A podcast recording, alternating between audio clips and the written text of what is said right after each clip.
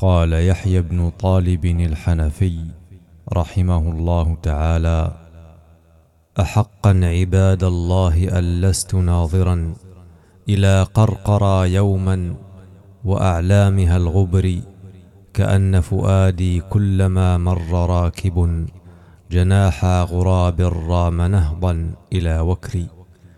إذا ارتحلت نحو اليمامة رفقة دعاك الهوى واهتاج قلبك للذكر. أقول لموسى والدموع كأنها جداول ماء في مساربها تجري. الا هل لشيخ وابن ستين حجة بكى طربا نحو اليمامة من عذري فقال لقد يشفي البكاء من الجوى ولا شيء أجدى من عزاء ومن صبر. فوا حزني مما أجن من الهوى ومن مضمر الشوق الدخيل إلى حجري. تعزيت عنها كارها وتركتها وكان فراقيها أمر من الصبر.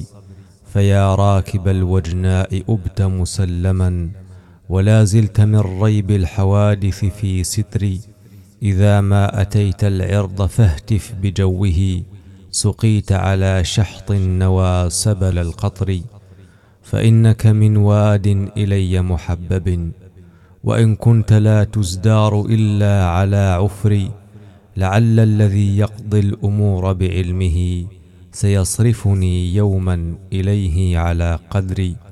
فتفتر عين ما تمل من البكاء ويصحو قلب ما ينهنه بالزجر يقولون إن الهجر يشفي من الجوى وما زدت إلا ضعف ما بي على الهجر لشربك بالأنقاء رنقا وصافيا أعف وأعفى من ركوبك في البحر إذا أنت لم تنظر لنفسك خاليا أحاطت بك الأحزان من حيث لا تدري مداينة السلطان باب مذلة.